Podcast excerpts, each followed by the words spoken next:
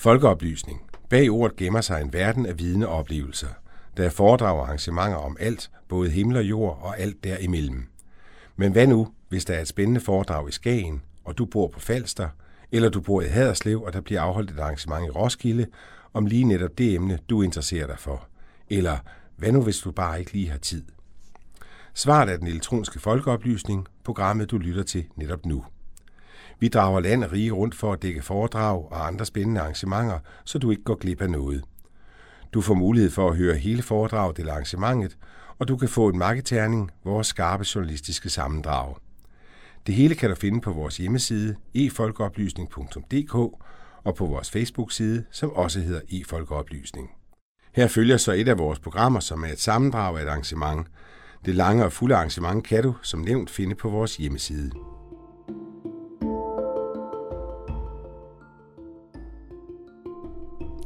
I medierne og andre steder bliver ordet anden generations indvandrer og endda tredje generations indvandrer ofte brugt. Det får mig til at spekulere over, hvornår man egentlig ikke er indvandrer mere. Hvad skal det til? Hvor mange generationer skal det i grunden gå? Slår man op i leksikon, er en dansker simpelthen en person, der er fra Danmark.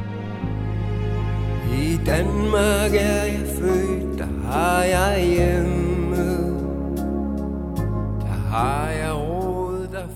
Uanset hvor forældrene måtte stamme fra, så er en person født i Danmark en dansker. Juridisk er der en lidt anden definition, der gælder. Det kræver simpelthen, at en person har et dansk statsborgerskab. Når det nu er så simpelt, hvordan kan det så være, at debatten om danskhed stadig raser? For at finde svar på danskheden, har jeg taget turen til læreruddannelsen UCC i København. Inde i et lyst lokale finder jeg et klasseværelse med lærerstuderende. Foran dem står fire unge mennesker, de såkaldte kulturmødeambassadører, sendt af Grænseforeningen. Den forening vender vi lige tilbage til lidt senere. Ambassadørerne er gået i gang med forskellige øvelser, der tager pulsen på fordomme. Lad os prøve et eksempel, som de unge studerende blev udsat for.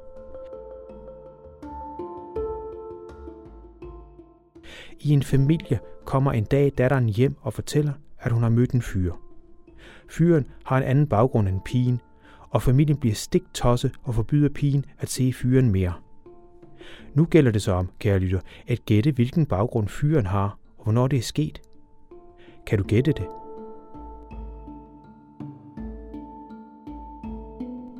Her kommer svaret. Det skete i 50'erne i Åben Rå. Pigen var dansk, mens fyren var fra det tyske mindretal. Og dermed er vi også fremme med Grænseforeningen. At det netop er den forening, der har sat danskheden i fokus, er ikke tilfældigt. I grænseområdet mellem Danmark og Tyskland har danskhed altid været et emne siden. Jeg vil siden kong Godfred byggede den korte Dannevirke Kovirke i begyndelsen af 800-tallet. Krigen har bygget frem og tilbage i over 1000 år.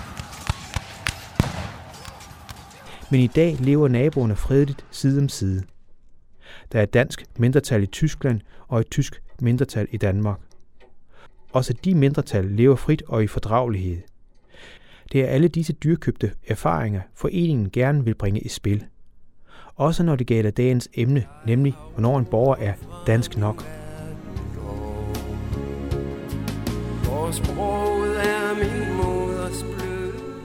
Eleverne lytter opmærksomt, mens en lyshåret unge kvinde fortæller sin historie. Sin oplevelse af at være dansk. Og jeg er en dårlig dansker. Og sådan har jeg tænkt i lang tid, og gør det måske i virkeligheden stadig. Selvom den unge kulturmødeambassadør både er født og opvokset i Danmark, lyder dansk og ser dansk ud, så fortæller hun om sine tvivl. For hun tilhører nemlig det tyske mindretal i Danmark. Tvivl var også noget, der nagede ham her. Mit navn er Mahmoud Rifai, på arabisk Mahmoud Rifai. Jeg er fra Aalborg, og jeg er 21 år, går på engelsk og internationale studier på Aalborg Universitet på mit 6. semester, øh, og jeg er dansk-libaneser. Dansk-libaneser? Man er vel enten dansk eller libaneser? Det bestemmer jeg selv. Det er noget, jeg selv definerer. Jeg, har, øh, jeg er født og opvokset i Danmark, men jeg har en anden multikulturel baggrund. Øh, mine forældre kommer fra Libanon, så det er noget, jeg sådan selv har valgt. Det er noget, der er indimellem. Jeg ikke bare vælge fra og til. Men det var jo en vej derhen, for jeg, jeg forstod på dig lige før, hvor du holdt et oplæg, at det var jo ikke sådan, du hele tiden har vidst, om du var dansk eller libaneser. Kan du prøve at fortælle det igen? Ja, altså det er jo en, det er jo en udvikling, jeg, der har foregået, siden jeg har vokset op, altså siden jeg var lille indtil i dag.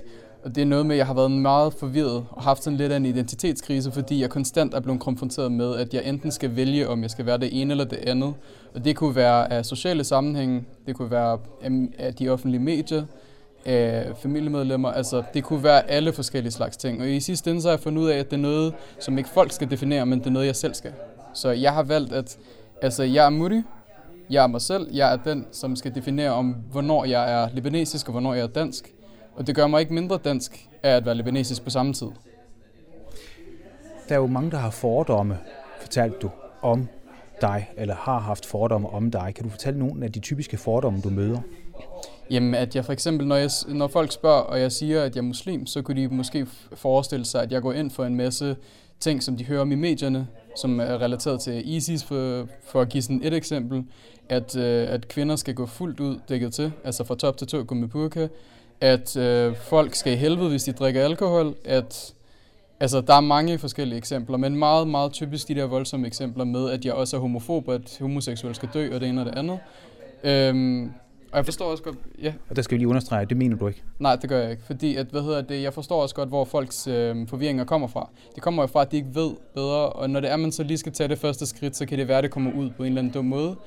Øhm, så jeg synes, det skal selvfølgelig tages med en god tone, men jeg synes også, at jeg gerne vil svare på de spørgsmål, fordi nægter jeg det, så vil jeg jo også selv stille mig i en position, hvor jeg kan ikke give skylden på en person, hvis jeg selv øh, ikke gider at konfrontere det her. Men er der også fordomme den anden vej rundt, altså fra den arabiske verden, som du stammer fra? Altså nu er øh, Libanon jo ikke lige frem den, den ærke arabisk på den måde, det er jo sådan en meget moderne samfund trods alt. Øhm, er det så, øh, er der fordomme fra den arabiske verden over for, over for den danske, og også når du møder araber, er det så også fordomme over for dig? Altså jeg ved, Nasser Carter, han er blevet kaldt for brun udvendig, men, men hvid indvendig. Mm-hmm. Altså der er selvfølgelig fordomme, det er der alle steder i verden, og det er, altså hvis jeg skulle tage Libanon som eksempel, så er det også meget svært at tage det, fordi mine forældre de kommer fra Beirut. Det er en international by, ligesom København. Det er meget moderne, som du selv siger. Øhm, men jeg vil sige, at det er ikke fordi, de er så udvidende omkring, øhm, altså nu bruger jeg det, men det som, altså dem, som jeg har haft en erfaring med, det er ikke fordi, de er så udvidende omkring, jamen, hvordan er Danmark. De kender til, at det er et meget systematisk land, øh, demokrati, ytringsfrihed, det ene og det andet. Men selvfølgelig er der også de der fordomme med, at jamen, selvfølgelig, for eksempel, hvis man nævner København, jamen, så tænker de, jamen, det er jo der for eksempel, hvor porno kom fra. Eller om, øh, altså, at man har meget øh, en naturlig tilgang til det med nøgenhed og så videre, for det har man ikke så meget dernede. Og det er lige meget, om man er kristen eller muslim, fordi det handler mere om etiket. Hvad så med de her fordomme, du bliver mødt fra andre araber, når de finder ud af, at du øh, alligevel ikke er helt arabisk? Jamen, øh, der siger jeg så selv, at det er en forkert forståelse af det at sige, at man lever arabisk. Og det er heller ikke fordi, jeg skal leve arabisk. Jeg skal hverken leve dansk eller arabisk. For jeg synes ikke, at man skal sådan kategorisere sig selv. Jeg synes ikke, at, at hver gang jeg vågner op, så slår klokken, så skal jeg op i skole, så tænker jeg lige, ah, at i dag skal jeg være arabisk eller dansk. Jeg tænker på her, jeg, jeg tænker slet ikke over de ting. Jeg synes, det bliver alt for meget opildnet i den offentlige debat, og jeg synes, det er synd, at man ikke faktisk kan tale om det her på, på normalt personligt niveau, fordi gør man det, så løser problemerne sig meget hurtigere, end man tror. Hvis, hvis du skulle øh, sige, at der, hvis du kunne fortælle om et problem, som er det største problem i forhold til fordomme, hvad det vil det så være? Det vil være, at man faktisk, øh, hvad skal jeg sige, jeg har lagt mærke til, at man meget splitter sig, fordi man taler jo meget om de her parallelsamfund, at folk de øh, øh, opholder sig sammen med en masse andre med samme baggrund, og om de gør det af eget valg. Jeg synes, det er meget forkert at kigge ud, altså ud fra et punkt, fordi jeg synes, man skal tage det ud fra en kontekst. Hvordan er det, man har oplevet? Vi kender jo godt alt det der med at vokse op og vide, jamen, hvilket fællesskab skal man søge til. Og jeg synes, når det er, at der er alle de her fordomme imellem, at der er alle de her stereotyper, som man ikke faktisk sådan får, får afprøvet eller får bekræftet eller afkræftet, at så vælger man netop at, øh, at tage den trygge løsning. Det der med at vælge det, det bekendte. Her, her for eksempel, hvis jeg er en blond, øh, blåøjet person, og jeg kommer fra en etnisk dansk familie, så kunne det jo være meget typisk, at jamen, så vælger jeg det, det kendte. Det er den person, som for eksempel ligner mig selv, og det er det samme ud for det arabiske, hvis der jeg møder en sorthåret person, der eller brune øjne, så kunne jeg meget vel have en antagelse om det, men igen er det også en fordom i sig selv. Så jeg synes, man skal tage det skridt. Bare lige stille de spørgsmål, hvis man er lidt forvirret. Gør man ikke det, så er man faktisk selv med til at danne de der parallelt samfund.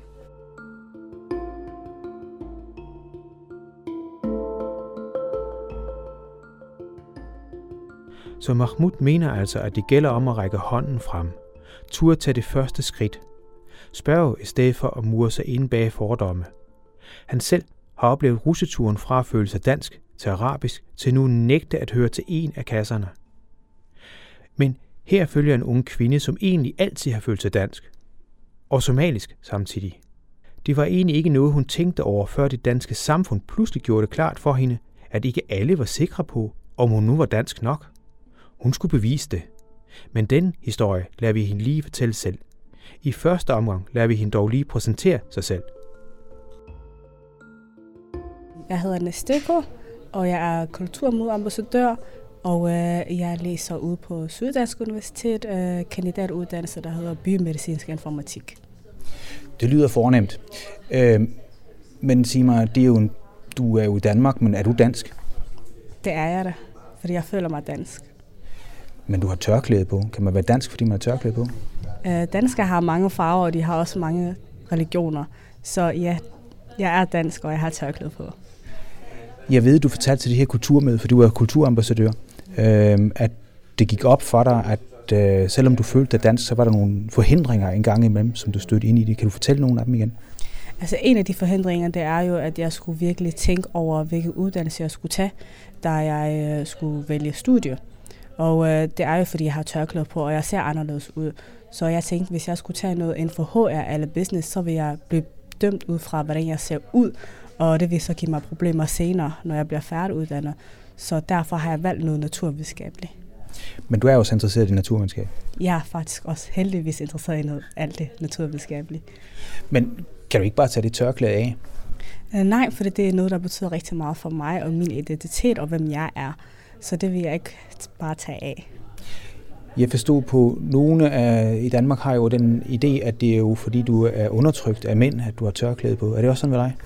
Ej, det er, slet ikke, det, er, det er ikke slet ikke derfor. Altså, jeg har jo selv valgt at tage tørklæde på, og jeg er ikke gift, og jeg har ikke en mand, der undertrykker mig derhjemme. Så nej. Øh, der var også noget med gymnasiet, du snakker om, øh, hvor du lige pludselig fandt ud af, at du skulle tage en prøve, selvom du egentlig var dansk. Ja. Yeah. Det var nok indfødselsret prøven, hvor jeg bare tænker, ej, hvorfor skal jeg opvise, altså, at jeg er dansk? Altså, ved at tage en prøve og med trave spørgsmål, det kunne jeg simpelthen ikke forstå. Men det var jo noget, jeg var nødt til at gøre for at få min pas, danske pas. Men det kom bag på dig, ikke? Det kom meget bag på mig, fordi jeg følte bare, at det kunne jeg godt slippe for nu, når jeg havde taget øh, folkeskole, og jeg startede på gymnasiet, og jeg følte mig rigtig dansk, så kunne jeg ikke rigtig forstå, hvorfor jeg skulle tage en prøve for at vise, at jeg var dansk nok. Men oprindeligt kom du jo fra Somalia, så du er vel egentlig indvandrer, og alligevel til føler du dig dansk. Hvordan bliver man? Altså, hvordan kommer man til den følelse af, at man, man føler sig dansk? Øh, det gør man, når man føler, at man har uh, taget rigtig meget af det danske kultur, og at når man føler sig mere, så at når man tager tilbage til hjemlandet, at man føler sig mere dansk, fordi at folk kigger lidt underligt for en, når man gør nogle danske ting, eller spørger om smørbrød i stedet for ris til morgenmad, for eksempel. Så hvis der er nogen derude, som, som tænker, jamen, hvordan kan jeg blive lige så dansk, som du er, hvad vil dit råd så være? Altså mit råd, det er at ikke fokusere på at være dansk nok, men bare være en del af det samfund, du er i. Så bliver du, hvad samfundet er. Og nu, når jeg lever i Danmark, så er jeg blevet en dansker ved at være en del af det danske samfund. Så det vil jeg råde folk til. Hvorfor drager du i grunden rundt som kulturambassadør? Altså, hvad er ideen i det? Ideen er jo at bryde den her fordom omkring, at, øh, at man ikke kan være dansk Somalia for eksempel. At man ikke kan have den her bindestreg identitet, som vi selvfølgelig godt kan have. Det føler jeg i hvert fald. Øh, det er der rigtig mange etniske danskere, der ikke rigtig ved, man kan være det. Så det er det, jeg prøver at gå ud og prædike om, og så sige, altså, jeg er dansk, jeg er også somalier, jeg øh, spiser risengrød, men jeg har også øh, somalisk kultur. Spiser du også frikadeller? Fiskefrikadeller elsker jeg faktisk med råbrød, så det gør jeg. tak skal du have.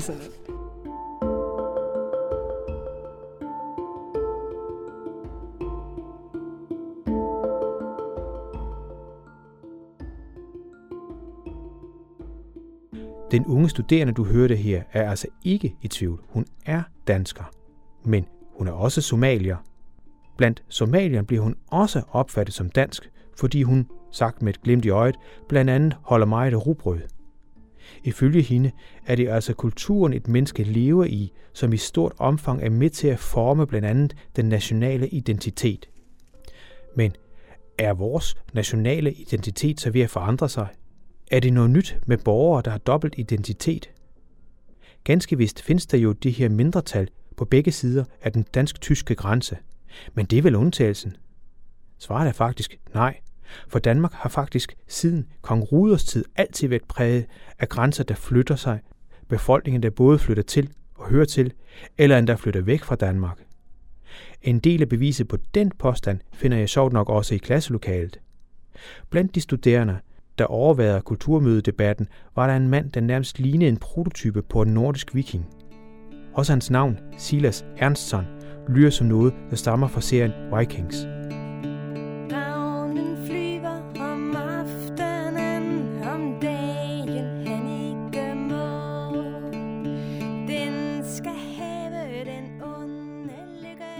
Silas, du er jo høj og lys og har skæg og så videre. Øhm, Du må være ærkedansk. Uh, ja og nej. jeg er færøsk. Føler du dig dansk? Ja, det gør jeg. Føler du dig færøsk? Ja, 100 procent. Hvordan kan man det? Altså, vi lige hørt om, at man enten er det ene eller det andet, eller er man nu midt imellem? Hvad er du så? Uh, jeg er ikke midt imellem. Jeg, jeg kan næsten sige, at jeg er begge to 100 procent. Altså, jeg har altid følt mig anderledes, når jeg er i Danmark. Altså, det er lige uh, min accent, men ellers alt andet. Jeg har dansk pas. Jeg, jeg kender alt til det danske historie og alt det der, så ja, jeg føler mig ret dansk, når jeg kommer herned. Bliver du også accepteret som dansker så? Ja, det bliver jeg.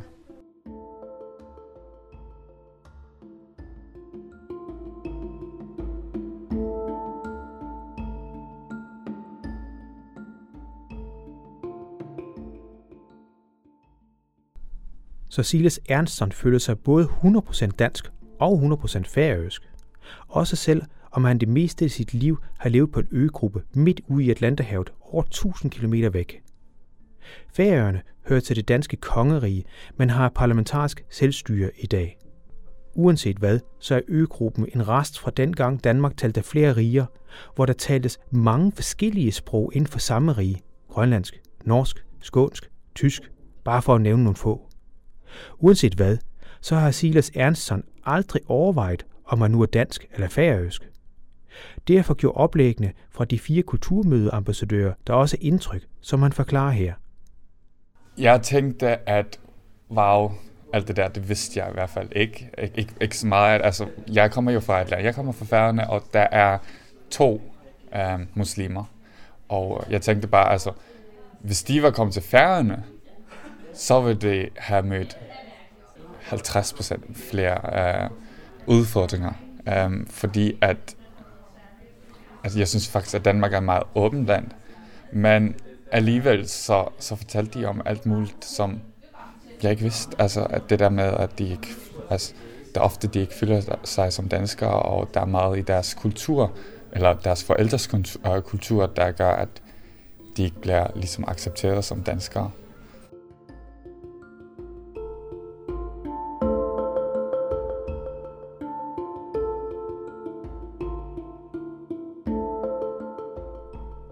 Så vidt altså danskeren og færing Silas Ernstsson.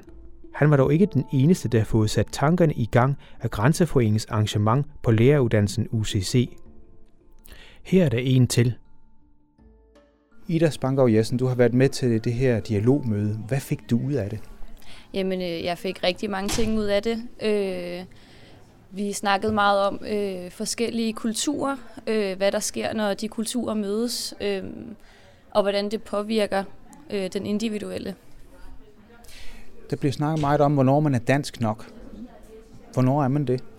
Jamen, øh, som jeg også sagde på dialogmødet, så er danskhed ligesom noget, man definerer selv at være, øh, have en dansk nationalitet. Det er en individuel ting, som du ja, selv definerer. Hvis du føler dig dansk, jamen, så er du også dansk. Hvis jeg nu har stort fuldskæg og turban på og føler mig dansk, er jeg så dansk? Mm, Det kommer jo an på, hvor du bor, og hvilke personer, som du bor sammen med, hvad du arbejder med, øh, hvor dine interesser ligger. Hvis du bor øh, i udlandet og overhovedet ikke har noget tilhørsforhold til Danmark, så tror jeg, det vil være mærkeligt, hvis man ikke kan føle sig dansk. Hvad synes du, øh, det her arrangement, er det noget, der er brug for? Det synes jeg helt sikkert, der er. Øh, man får af- og bekræftet rigtig mange af de fordomme, som øh, man kan rende rundt med. Øh, så jeg synes helt sikkert, det er en vigtig ting, ja. Hvad er det for nogle fordomme, du har med? Jamen, øh, nu lavede de øh, en øvelse, hvor at, øh, de kom med nogle øh, statements, hvor at man skulle ligesom placere, hvil- hvil- hvilket øh, statement hører til hvilken person. Øh, og der var det jo tydeligt, at, at øh, man gik over til dem, der så udlandsk ud, når der var spørgsmål omkring, om de havde gået i en dansk børnehave for eksempel.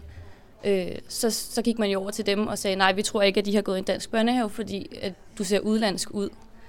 Øh, og der kunne vi jo så få afkræftet, at jamen, det havde de faktisk, og det var faktisk hende, der så øh, mest dansk ud, der ikke havde gået i en dansk børnehave. Øh, så det var super fedt at ligesom få afkræftet nogle af de fordomme, som man render rundt med. De her fordomme, er det nogen, man kan bekæmpe overhovedet? Mm, nej, det er det nok ikke. Øh, du kan bekæmpe dem selv, men det er ikke noget, som du kan slå helt ned. Alle vil rende rundt med forskellige fordomme, og det i sig selv er jo en fordom, som jeg har. Øh, så nej, det tror jeg ikke, du kan.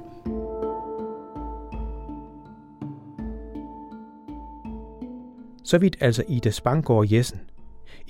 Ifølge hende er det altså den enkelte selv, der afgør, om vedkommende er dansk, ikke omgivelserne. Som hun fortæller her, så er hun glad for de tanker, arrangementet har sat i gang. At blive konfronteret med ens egen fordomme. Og det var netop planen med hele arrangementet. Men det lader vi hende her forklare. Jeg hedder Rose Maria Bering Jensen, og jeg er lektor her og underviser i faget øh, kristendomskundskab, livsoplysning, medborgerskab og i religionsfaget her på læreruddannelsen UCC. Vi er lige ved at tage et arrangement, hvor det drejer sig omkring fordomme og nedbryde fordomme osv. Hvorfor er det vigtigt for lærere at, at høre det her? Jeg synes, det er vigtigt øh, for lærerne, fordi altså, her på uddannelsesinstitutionen har vi rigtig mange studerende med anden etnisk baggrund. Og derfor, øh, at for det første er det vigtigt for de studerende, der går her, at øh, ligesom komme i dialog også med andre og høre noget omkring deres oplevelser og erfaringer øh, med hensyn til det at, at være tosproget eller have to ligesom, identiteter eller en hybrid identitet. Men en anden ting er også, at de studerende skal jo ud og møde elever og takle udfordringer, hvor det gælder netop om at øh, takle kulturmøde, eller rettere sagt, altså forældre med en anden etnisk baggrund. Og der kan man sige, at det her dialog med er en rigtig god anledning til at, øh, at tage hånd om nogle af de problemstillinger. Fordi nogle af kulturmødeambassadørerne har jo selv gennemgået og, altså, en folkeskolekarriere, og de har også øh, mange eksempler på gode lærere, som har virkelig anerkendt deres øh, baggrund. Men, men de har også øh, erfaringer med nogle lærere, som har været uvidende og uforstående over for deres øh, etniske baggrund. Og der har de nogle gode råd også til de studerende om, hvordan de skal sådan set takle fremtidige udfordringer ved, øh, ved mangfoldigheden i, i folkeskolen. Hvis vi tager mødet i dag, øh, er der nogle ting, som, du, øh, som fik dig til at tænke mere over noget? Øh, Er der noget, du vil fremhæve? Jamen det jeg, det, jeg tænkte, det er netop, altså, hvor vigtigt det er, at de kommer ud, som jeg også sagde til dem. Øh, netop fordi det, der er det gode ved, at de kommer ud, det er, at de får i tale sat, eller de får sat dialog på nogle af de problemstillinger, som netop vores egne studerende også tumler med, med at finde ud af, altså deres egen identitet. Fordi de har jo også en tilbøjelighed til mange af de studerende, vi har med, med anden etnisk baggrund, at de ligesom søger hinanden. Altså øh, krav søger mage. Øhm, og der er det meget godt netop at øh, få lukket op. Altså jeg betragter lidt de her kulturmødeambassadører som en form for dåseåbner i forhold til at få sat ord på, hvad er det, der så rører sig, og hvor, hvorfor, hvorfor er det vigtigt netop at, at fortælle om mine egne følelser, mine egne erfaringer og mine egne frustrationer i forhold til at leve i et, et samfund, hvor, der også er, hvor man meget hurtigt bliver stigmatiseret som, jamen du er ikke dansk, eller du er ikke dansk nok, eller en eller anden. At, øh, der, der har de en vigtig øh, mission, synes jeg. Og så selvfølgelig også altså for de andre studerende, at, at få noget viden om, hvad det er, der kan man sige, rører sig, øh, blandt andet også i grænselandets historie, som jeg synes netop har mange erfaringer, som vi også kan bruge i nutiden i dag. Det skal vi understrege, grænselandet, det er altså grænsen mellem Tyskland, Tyskland og Danmark. Danmark, ja. Og alle de øh, forskellige fortællinger, de også havde om netop, hvordan var det at, at være sådan, øh, at tilhøre det tyske mindretal eller det danske mindretal i henholdsvis Sydslesvig og Nordslesvig. Altså, der synes jeg, det er jo tankevækkende, at, at de, så at sige, fortællinger, som egentlig stammer tilbage fra, ja, ligger 50-60 år tilbage, faktisk også øh, at de studerende opdager, at de er jo også nutidige. Ikke? Altså, der er stadigvæk mange fordomme og mange, øh, hvad skal man sige, øh, øh, ja, mangel på, på forståelse for, for den der mangfoldighed, som øh, man kan have også i sin identitet og i sin kulturelle bagage, som, som de har.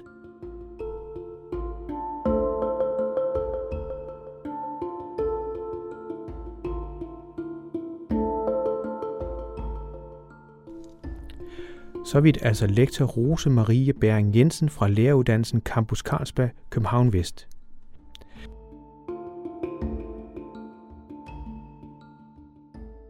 Men til køre over Storebæltsbroen på vej hjem til Middelfart, spekulerer jeg lidt på det der med identiteter. Vi har i grunden mange. Jeg er omgivet af børn i kopien, så i denne her sammenhæng er jeg f.eks. en voksen. Når jeg er sammen med vores datter, ja, så er jeg far. Ja, jeg ved godt, det ikke er nationale identiteter. Men som jeg har lært, er også de flydende. Set med historiske briller, så er grænser heller ikke faste. Hvad der var en lille del af Tyskland for et stykke tid siden, er i dag dansk. Og før det, ja, der hørte det til det danske kongerige. Mens vi bumler i retning af Fyn og min hjemstavn, går én ting for alvor op for mig. Måske er jeg nok dansk, men jeg er først og fremmest Fynbo. Eller, eller måske er jeg bare begge dele.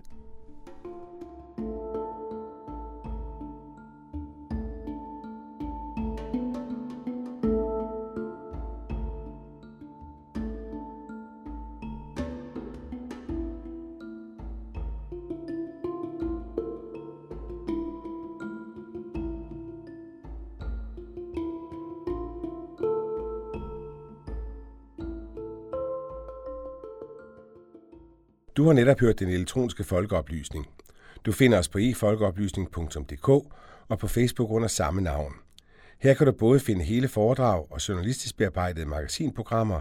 Det er podcast for arrangementer over hele landet om alt mellem himmel og jord. Det du kan være sikker på er, at det er skarpt, det er relevant, og det kan være ny og overraskende viden. Journalist Jan Simmen har stået for redigering og tilrettelæggelse, og det er Radio Mælkebøtten, der har produceret lyden. Tovholder på projektet er SLR TV, mens det er Dansk Folkeoplysnings Samråd, der støtter projektet finansielt.